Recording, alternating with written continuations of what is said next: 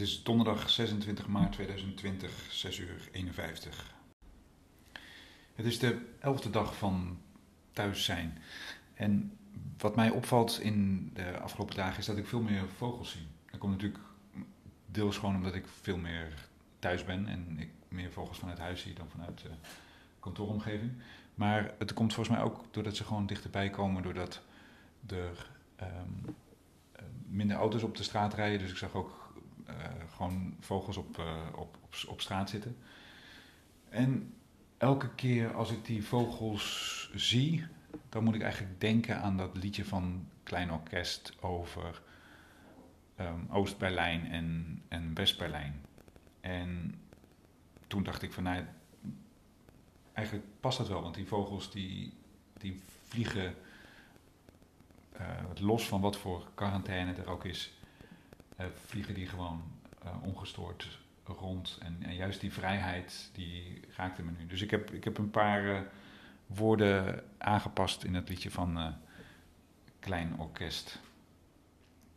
En de vogels vliegen van Berlijn door naar Turijn, worden niet opgesloten, ook niet aangestoken.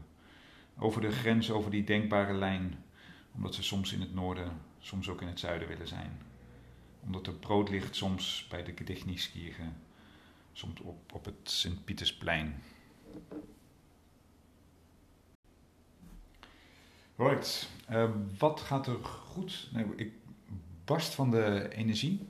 Um, gisteren was ik ook bij een um, webinar aanwezig waar um, zoveel energie uitstraalde van oké, dit is echt een tijd om dingen met elkaar te gaan doen en om het op, een goede manier te doen. En laten we kennis en ervaringen zo openlijk met elkaar delen.